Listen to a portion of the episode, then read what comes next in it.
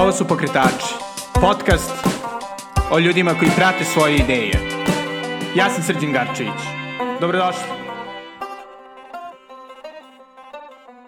Ćao svima i dobrodošli u novu epizodu Pokretača. Danas je ponovo u gostima sjajna, fantastična, jedinstvena Ana Novaković, ali naravno sa novim projektom koji mislim da će vam biti pogotovo zanimljiv tokom ovih dana samoizolacije kada svi imamo malo previše vremena, a malo možda i previše stresa. Veterani pokretača će se naravno sećati Ane iz prve epizode kada smo pričali o njenom projektu Food and Culture Tours, ali možda i iz epizode o njenoj biciklističkoj avanturi kada je išla svojom drugaricom Aleksandrom od Beograda do Mannheima. Međutim, danas sa Anom pričamo o njenom novom projektu, što je yoga na donjem gradu. To je Anin plan da na prelep način proširi svima nama svest o jogi i pranajami, to jest jogičkom disanju. U narednih 40 minuta pričali smo o tome kako je ona otkrila jogu, kako je preživela 10 dana tihovanja i meditacije tokom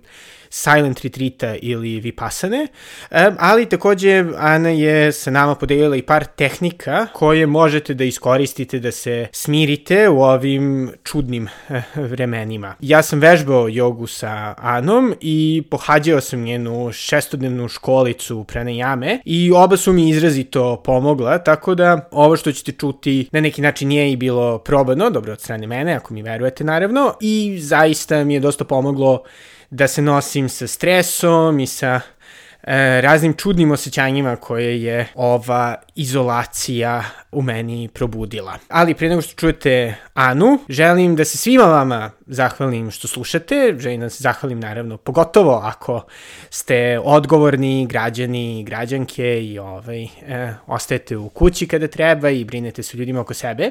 A pogotovo moram da izrazim svoju zahvalnost svojim mecenama sa Patreona koji čak i u ovim vrlo teškim vremenima su odlučili da podrže ovaj podcast, a i moj blog The Nutshell Times.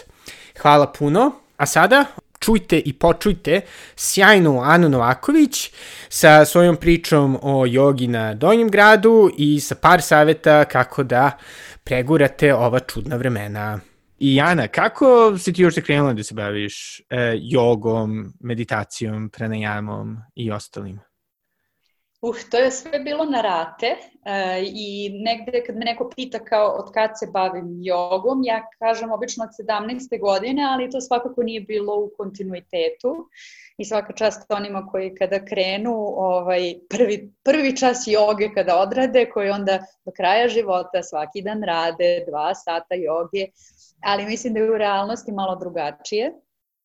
E, I za, bar je za mene tako bilo. Sa 17 sam počela sa jogom kada je moja mama išla na jogu zbog, e, imala nekih 5-6 dijagnoza na donjoj, donjem delu leđa, e, za koju su rekli da ne može da se oporavi, da će ostati nepokretna. E, nije nepokretna do dana današnjeg, znači 15 godina kasnije. A ja sam krenula sa njom i ono što je meni taj prvi moj blok bavljenja jogom doneo je da sam kroz te meditacije rešila se nesanice.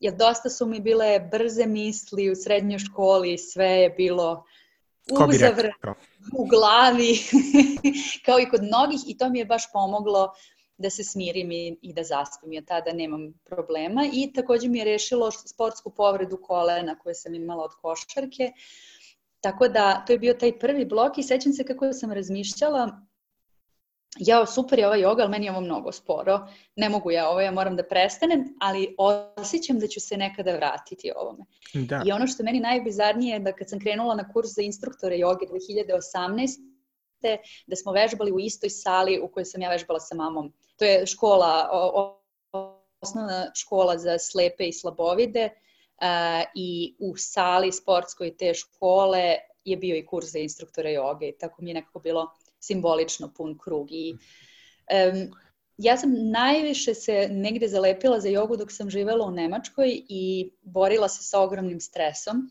i videla da ću malo da odlepim i ta joga me baš vratila na kolosek i mislim da od tada, to je sad jedno, jedno 5-6 godina, da ja radim skoro svako jutro, da imam svoju neku praksu, da, idem, da sam išla na razne časove i moja ideja je bila ok, idem na kurs za instruktore joge da bih ja mogla samo i sebi da držim čas. Što je, evo sad u, na primjer, ovoj situaciji, uhu, super stvar. A ranije si, ranije si uglavnom išla na veće časove ili ono, YouTube? Da, išla sam gde god da sam, ja odem na poneki čas uh, ili uh, uključim YouTube pa nekoga pratim. Mislim i dan danas to radim, imam te neke na YouTube-u koje volim i volim da odem na tuđ čas, ali negde kada vi možete svoju praksu da ponesete sa sobom gde god u smislu vi kreirate svoj čas, to je meni bilo bio cilj i da sve to uznapredim tu praksu. Ali ono što mi je bilo jasno posle dva meseca kursa za instruktore, bilo ja ovo moram da podelim sa svetom. Ja ovo ne mogu da zadržim za sebe.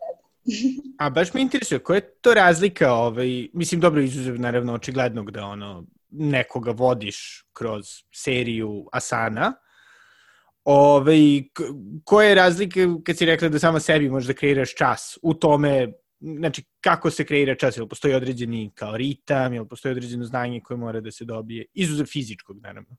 Pa, mislim, negde ja se trudim da to bude intuitivno i da ja pustim sebe da, da jednostavno mi dolaze same te poze, kako da kažem, da iznutra osetim svoje telo i šta mu treba, ali postoje neke pravilnosti. Evo daću ti jednu najbanalniju, kada god radimo neku pozu gde je, na primjer, savijanje, izvijanje leđa na unazad, jel?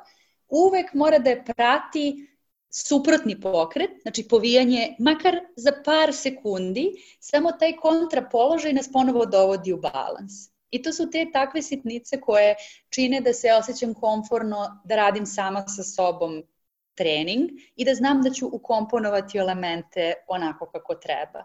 I, na primjer, neću raditi prvo most, pa onda raditi, ne znam, stoji na glavi. Znači, tačno ću da ovaj, vidim kojim redosledom idu vežbe, ali opet u okviru toga postoji dosta kreativnosti i slobode i to mi se sviđa, taj neka kombinacija, ok, osnovne forme, ali onda i kreativnosti. I, i ja radim hatha jogu, uh, ovaj, koja je negde, po meni, meni se kod nje sviđa što je ja to zovem dugoročna, znači razmišlja o tome da nam telo bude vrlo, vrlo funkcionalno i očuvano do ako ćemo još 100 godina da živimo još 100 godina i da onaj, onu 100 godinu bude u savršenoj formi.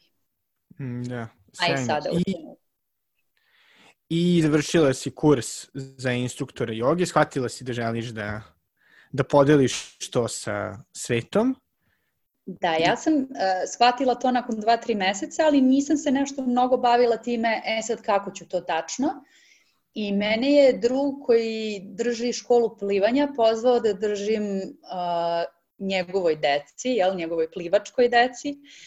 E, da držim jogu i bukvalno na dan kada je bilo moj poslednji e, praktični čas za instruktore, taj dan popodne sam otišla da držim toj deci. I mislim da, da su tih par časova sa njima je zapravo bilo nešto najizazovnije što sam ikada uradila u jogi, jer je njih bilo 14-15, svi su prvi put radili jogu, deca su, puni su energije, bili smo na bazenima na polju, sunce, ovaj, nekako, cela atmosfera ih je ponela, ali bilo je prelepo. Divni su bili i naravno otvoreni za to da probaju.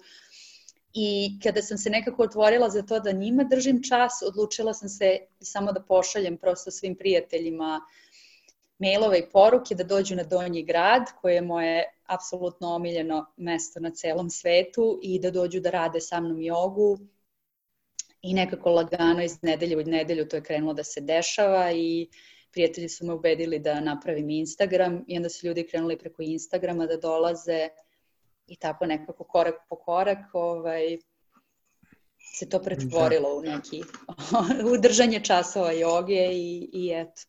Da, i moram da kažem ovaj, za slušalce, znači joga na Donjem gradu je, je prelepa, ovaj, možete da zamislite, pogotovo sada u ovoj situaciji, ako ovo slušate dok smo još u karantinu, ovaj, zalazak sunca, ono, preko Dunava i Save, ponekad se vidi i, ovaj, i ušće i nekako ono, radite jogu i zaista to je, to je super ali me isto interesuje kako si onda uz jogu krenula da se baviš i pranayamom, to je tim, da kažem, drugim aspektima.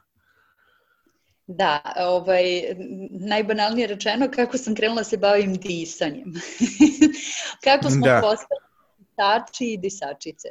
Ovaj, pa još na kursu ovde u Beogradu, na kursu za instruktore jogi kod Dragana Lončara, on je dosta isticao vrednost tih uh, praksi disanja i, i uticaj na zdravlje, na spiritualni razvoj. Mi smo i radili neke od tih praksi i sve to u teoriji meni jako interesantno zvučalo, ali nekako toliko intenzivan već bio taj ceo kurs e, što se tiče uvežbavanja i jogičkih položaja asana, da nije bilo dovoljno prostora da se dalje e, i više vežbaju i savrše ove prakse disanja. I ono što se desilo je da sam ja uh, dobila sam stipendiju da idem u Indiju na univerzitet za jogu i bila sam tamo ceo decembar i tek tamo radeći svako jutro, sat vremena, nekad i duže od sat vremena smo radili uh, samo isključivo tehnike disanja, sam ja shvatila moć svega toga i kliknulo mi je svo ono teorijsko znanje koje smo dobili ovaj, na kursu u Beogradu i ono kako mi je najlakše možda da vam objasnim kako sam osetila uticaj toga je da budili smo se u četiri ujutru svako jutro i prvo bismo radili vežbe znači fizičke vežbe, odnosno asane, jogičke položaje, a onda bismo sat vremena radili tehnike disanja. I ako bih se ja e, probudila sa jednom mišlju ili ubeđenjem ili e, znači nečim možda što me tišti ili muči ili bilo šta, pošto sve ove da kažem tehnike i taj rad na sebi, jer smo mi ceo dan tamo ovaj, imali dosta izazovan, to jednostavno podiže neke možda i potisnuta ubeđenja i limitirajuće uverenja. I onda bi se ona, eto, jutrima podigla na površinu, ali nakon sat vremena disanja to bi se apsolutno transformisalo i nekako nakon toga, kada se setim šta šta mi je bio problem, da nazovem problem ili izazov ujutro, to više nije postojalo u mojoj glavi, u mom okruženju. Jednostavno bih prevazišla i to su bili ogromni skokovi iz dana u dan. I to je mene fasciniralo, ali i sama ta praksa koju su oni nama dali, oni su sklopili sve te pranajame u jednu, da kažem, celinu.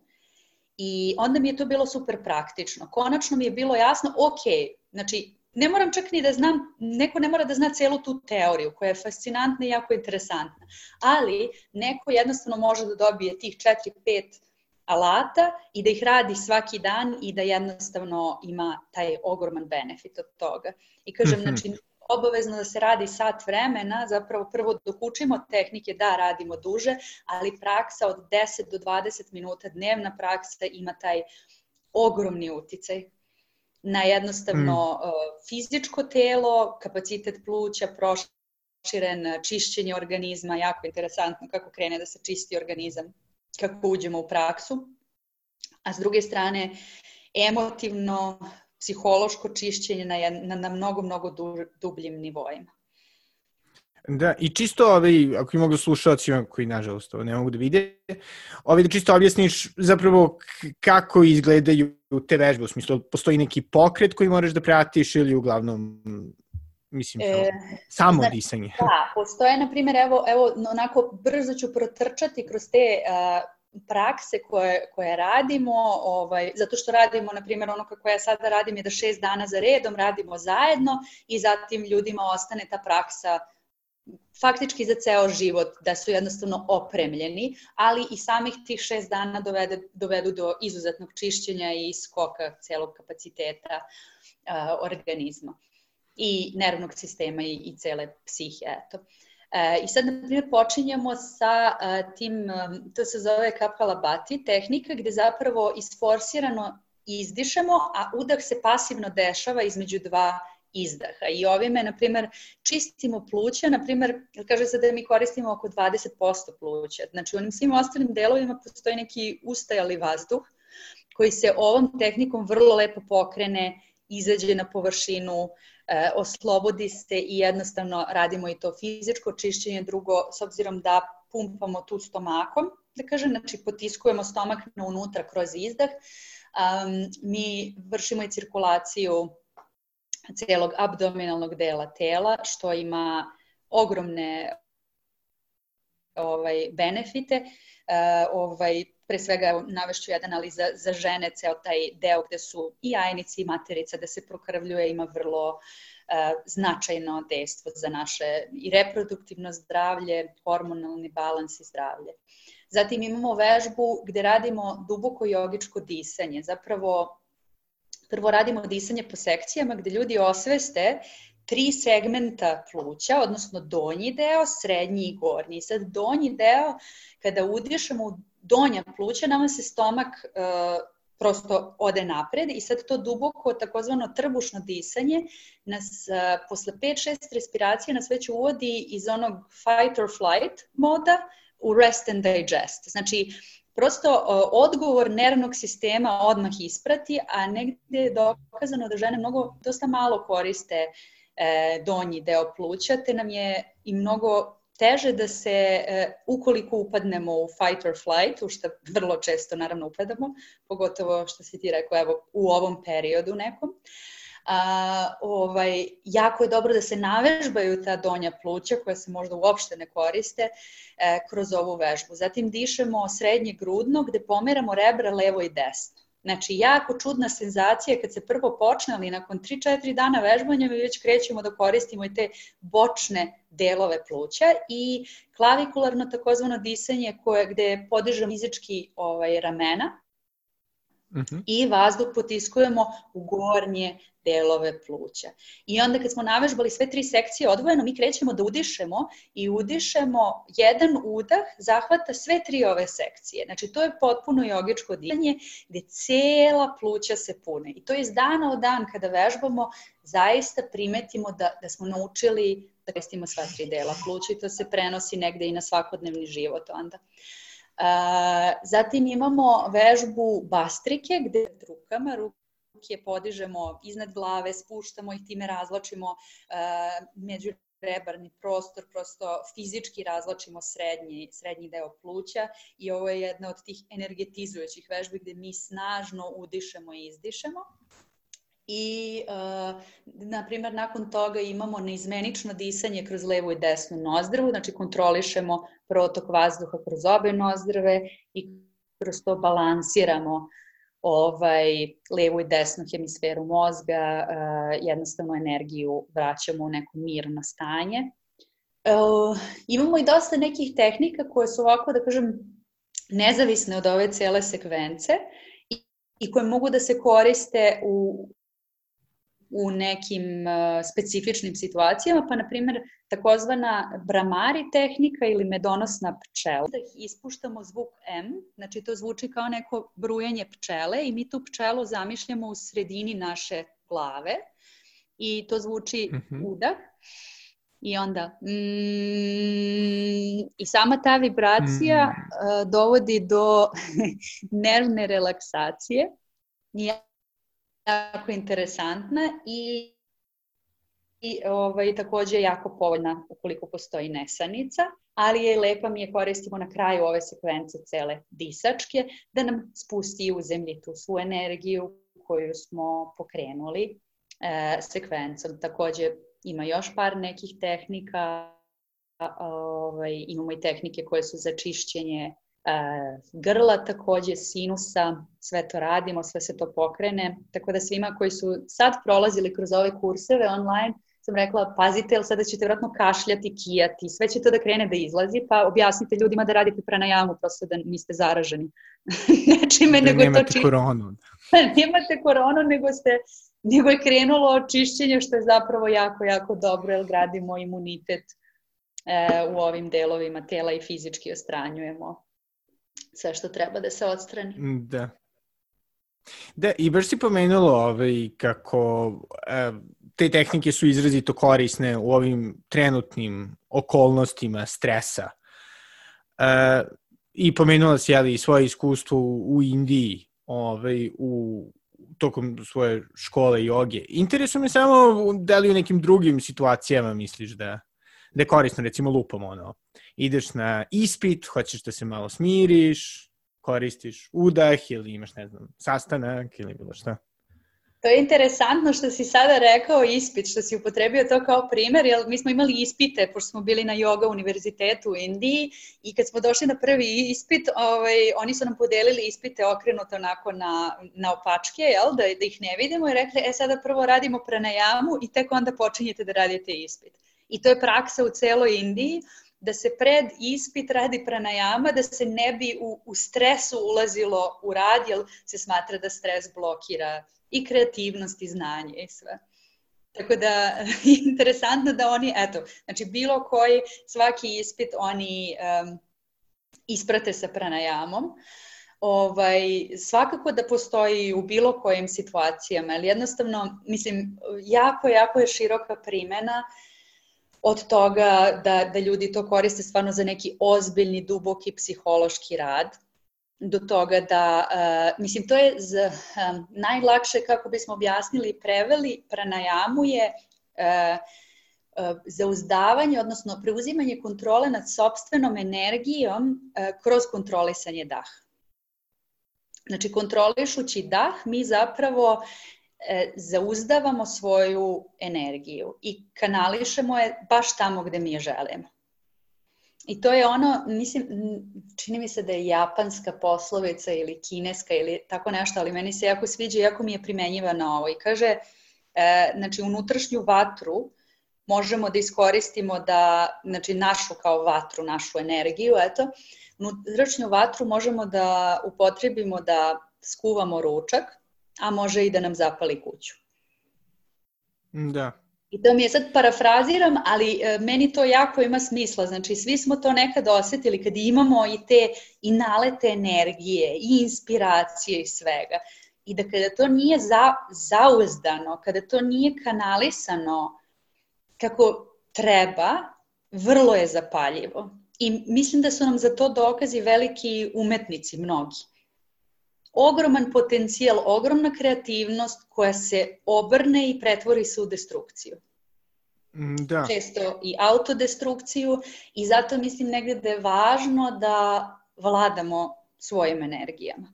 Tako da mislim da svakako ima primene u svakodnevnom životu, jer svi naravno želimo i trebamo i, i, i velika je sreća biti sposoban da se potpuno izrazi i da se usmeri sobstvena energija baš tamo gde treba, da se poravna sa talentima, mogućnostima, da ne idemo ni u pre, previše, a ni u premalo. I jedno i drugo je bolno. Da, a i, i mislim, a pogotovo kada su jeli situacije u kojima osjećate da nemate kontrolu, jednostavno, no, dosta češće da. uh, osjećate i da ne treba da imate kontrolu nad sobom i onda ovaj, ili završite tako što ne radite ništa ili tako što se ono, zaluđujete na Twitteru non stop kao neki od nas. Uh, I ovaj, I čisto mi interesuje, šta bi, šta bi ti savjetovala ljudima koji sada žele da iskoriste ovo, da kažem, forsirano vreme da budu u kući za neku kao samo razvoj?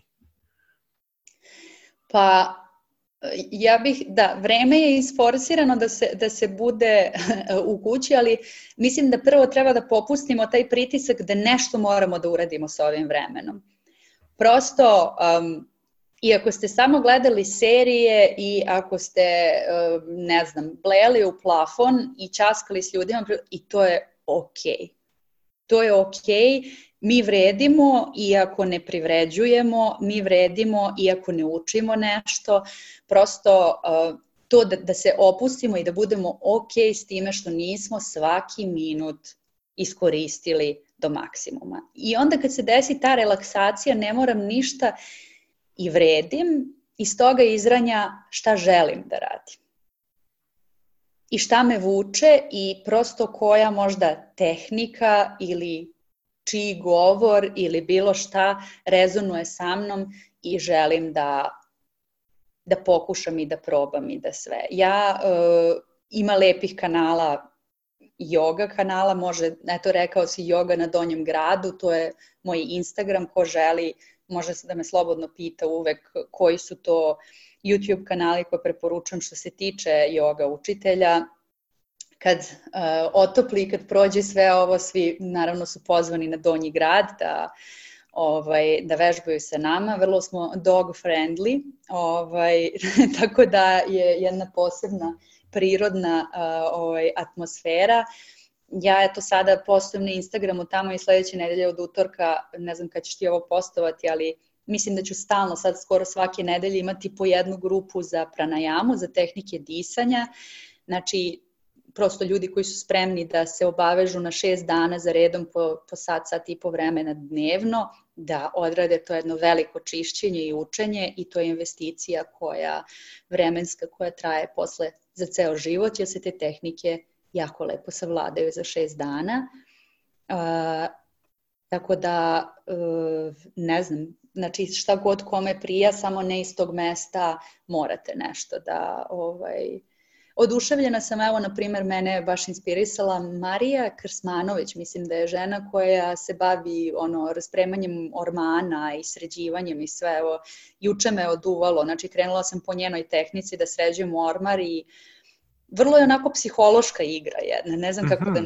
ali izbacila sam sve stvari kao što je rekla i staneš i kao meditiraš pred time, gledaš u to i gledaš koje ti emocije dolaze i apsolutno je neverovatno. Tako da. da to je nešto što mene, mene je čačnulo i sviđa mi se i odradilo me, ali kažem, ne da. moramo ni. A možemo svašta. Da. A recimo sa, sa aspekta nekoga ko se bavio jogom i ko je naravno instruktor joge, šta misliš da su ono najčešće greške koje, koje ljudi prave kada kreću da se bave jogom? Preko YouTube-a. Uh, pa ne mislim da su to greške, ali mislim da kad se, uh, kad se dođe na par časova, da vas neko namesti, da osetite kako zaista izgleda poza, da neko pogleda da li vam je proravnanje pravilno, mnogo više onda nakon toga ima smisla i taj rad preko YouTube-a. Znači, kad vam jednom, kad vas neko izokrene i namesti, i sad to je, ja gledam, znači, ja to ne mogu da uradim za sebe, jer ja sebe ne vidim. Znači, i ja moram da odem kod nekoga kad radim neku napredniju, nešto sledeće, jel? Za, za, zašto me niko nije do sad nameštao, vidim razliku kad odem, kad me neko još malo razvuče i kad telo osetiš kako, kakav je osjećaj iznutra kada ste pravilno potpuno u pozi. Tako da u tom smislu mislim da vredi i uložiti u par privatnih časova, mislim da vredi i potražiti ko nam odgovara i povremeno otići uz sobstvenu praksu. Opet mislim i da ništa ne znači ako idemo dva put mesečno kod nekoga ako ne radimo ništa sami.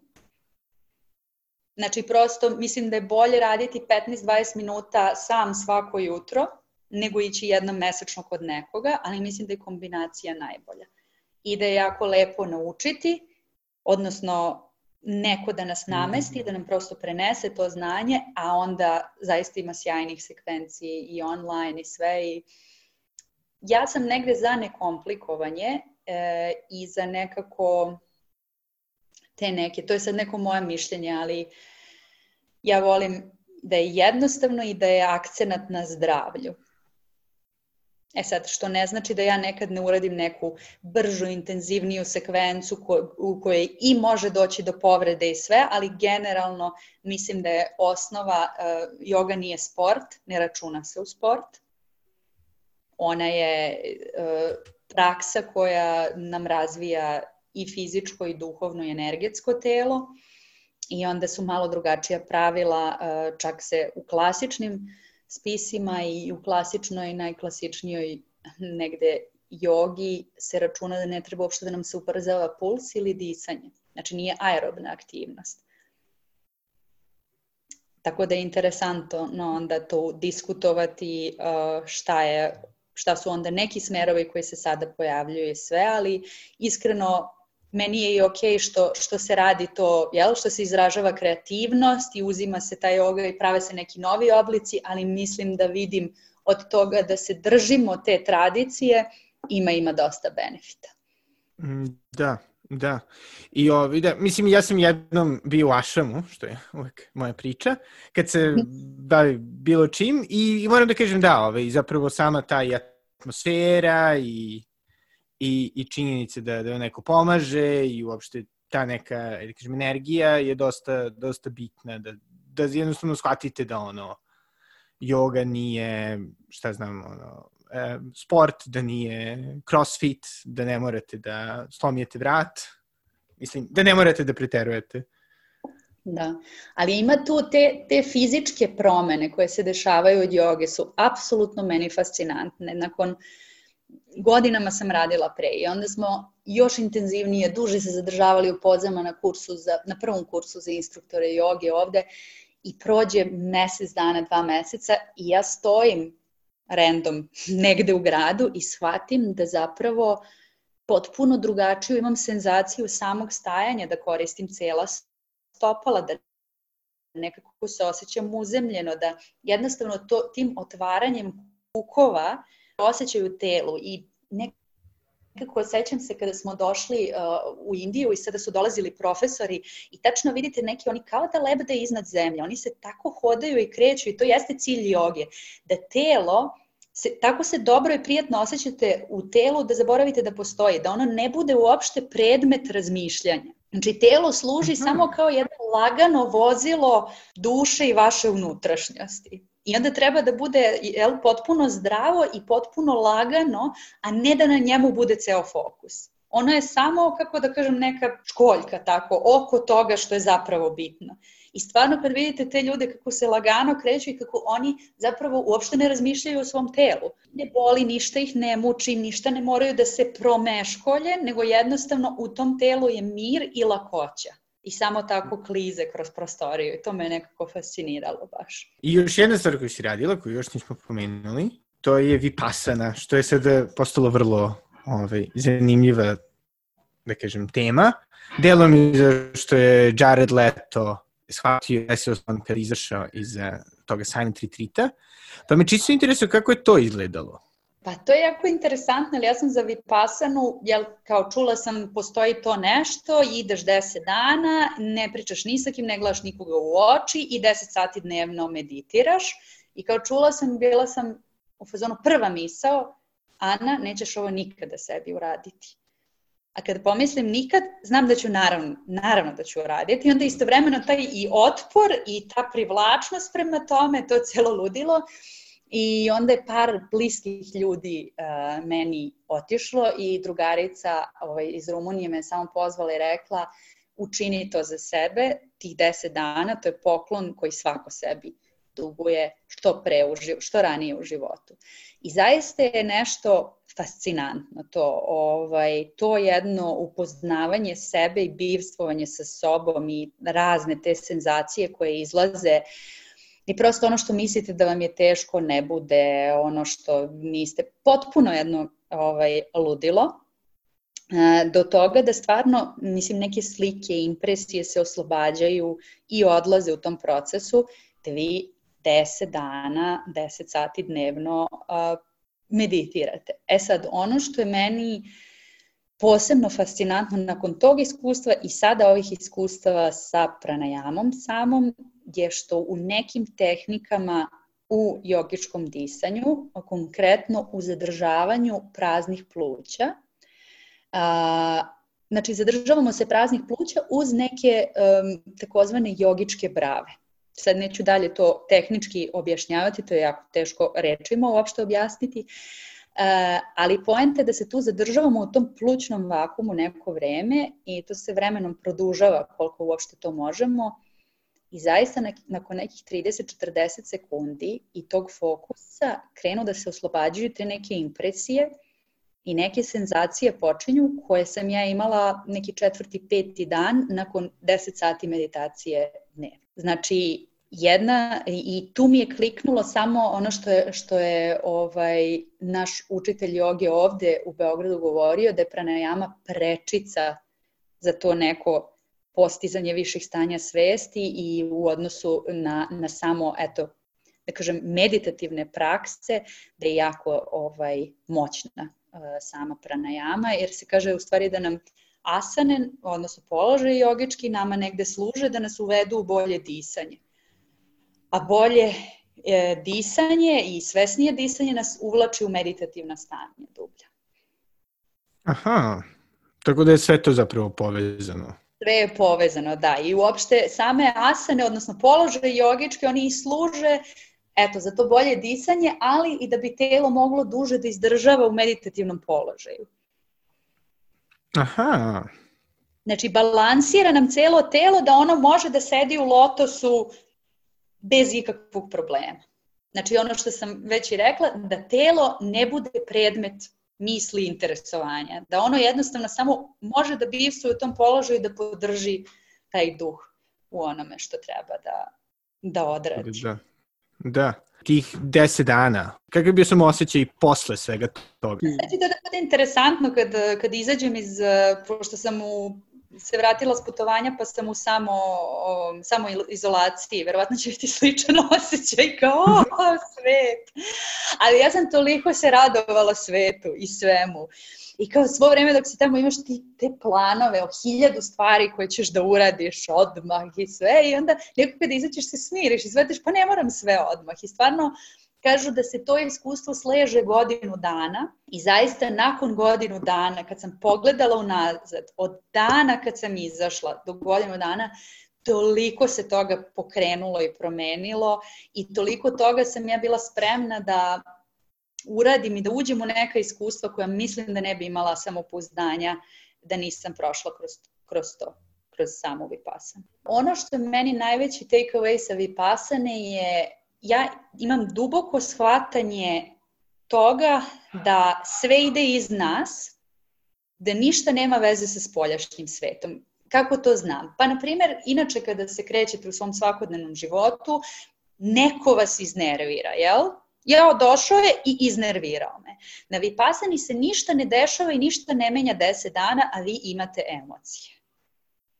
Kako sad to? Kako sad odjednom bes, a niko me nije iznervirao? Kako sad odjednom tuga, a niko me nije rastužio? I onda počinje da, da klikće u glavi, čekaj, čekaj, pa to je sve u meni. Da, neko može to da trigeruje, ali istinski taj osjećaj, to je u meni i oni su samo došli da to podignu na površinu. Odnosno, da nema ničega i nikoga oko mene i dalje će da se podiže. I sada, kada krene nešto iz mene da se podiže, ja nemam potrebu da kažem on je, ona je, oni su. U meni je, podiže se za moje dobro, čekaj da sednem u, vi, u Vipassana meditaciju, čekaj samo da sednem i da isključim sve i da ga pustim da prođe i izađe. Jer apsolutno svaka emocija, kada smo potpuno prisutni s njom, za 10-15 minuta je gotovo. Šta god da je. Koje god da, kog god da je intenziteta. I to, da. je, to mi je prelep poklon. Imala sam par epizoda nakon toga da stvarno osjećam da mi nešto izaziva neki osjećaj. Sad ja lično kako sam se nosila s time godinama je bilo da jedem. Mene jelo smiri. Jel? I onda nastaviš i to uopšte se nije obradilo, nije izašlo na površinu.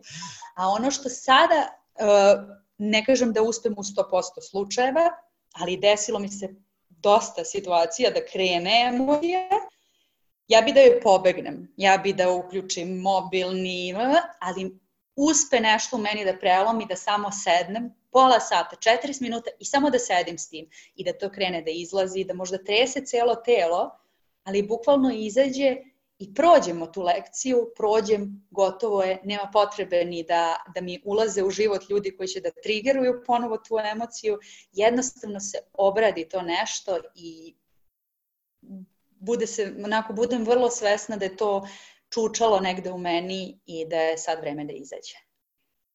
I da, da. se oslobodi neki način nov. Da, vrlo, vrlo, mislim, neću da budem ono banalan, ali kao, vrlo korisno. Iako naravno, mislim, je dosta više od, od korisnog. Da, bilo bi lepo da, da smo to u školi. Bilo bi jako lepo. Dosta, Mislim, to, to, to nije samo za, da kažem, privatan život ili neke, znači, mi imamo emocije i na radnom mestu, svi imaju emocije na radnom mestu, i emotivne blokade, i emotivne naboje i sve. I zamislite da neko, kad upadne u neki strah ili frku, sedne pola sata, to izađe iz njega i nastavi da, da, da radi negde oslobođen, to, to bi bilo stvarno divno. A da ne pričam za, za međuljudske ovaj, odnose privatne takođe. Koliko misliš da je, da je tu uloga, da kažem, učitelja, mentora bitna, a koliko je to ono, usmrčeno, samostalan rad? Pa bilo bi super, ne znam, nekako gledam po ovome što ove skandinavske zemlje, na primjer, imaju onu seksualnu edukaciju i onda automatski nemaju te neke probleme, imaju manje prenosivih bolesti, manje abortusa, svega. I nekako mi onda deluje da bi to stvarno, takve stvari kad bi se radile sistemski bi imale smisla. Ovaj, kao tehnike i kao skillovi. Prosto ja gledam sada kad sam u ovoj situaciji i ja sad kažem, mm, dobro, šta ću ujutru da radim? Znači imam opcije da radim jogu, da dišem, da radim taoističke prakse. Um, znači to je jedan dijapazon uh, mehanizama nošenja sa šta god da život baci na tebe.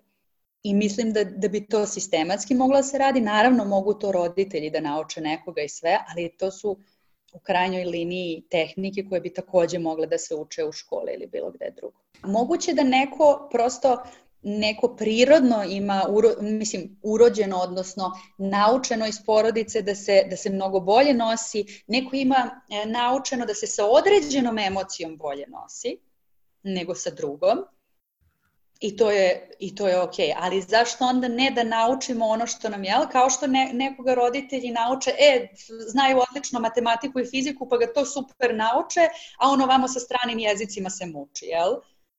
Pa ih nauči u školi. Zašto ne bi i ovo bilo, jel?